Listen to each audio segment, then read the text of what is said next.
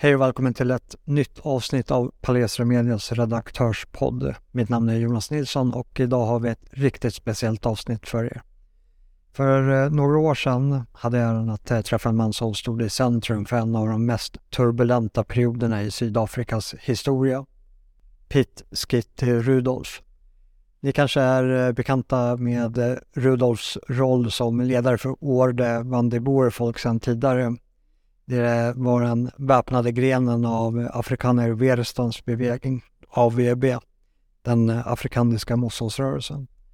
Hans eh, engagemang under eh, det sena 1980-talet och tidiga 90-talet var en eh, omtumlande tid av politisk förändring i Sydafrika som nu eh, mer är en del av den sydafrikanska historien.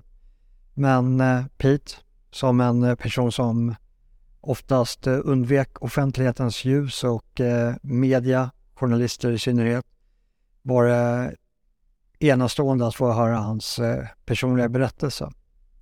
I eh, dagens avsnitt presenterar vi denna exklusiva intervju där Rudolf delar allt från sin krigsförklaring mot den sydafrikanska regeringen 1987 till hans gripande och sedermera frigivning genom ett eh, amnestiprogram 1992. Han eh, delger oss också sina tankar om framtiden och den fortsatta frihetskampen för eh, boerna. Detta avsnitt är exklusivt för våra betalande prenumeranter så fundera gärna på att uppgradera er prenumeration om ni inte redan har gjort det.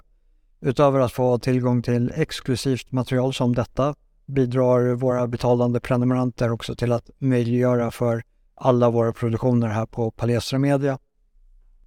Så bli medlem. Sätt er bekvämt, sätt på hörlurarna och eh, förbered er för en unik inblick i ett eh, viktigt kapitel i Sydafrikas historia. Och nu över till Pete Skit Rudolf.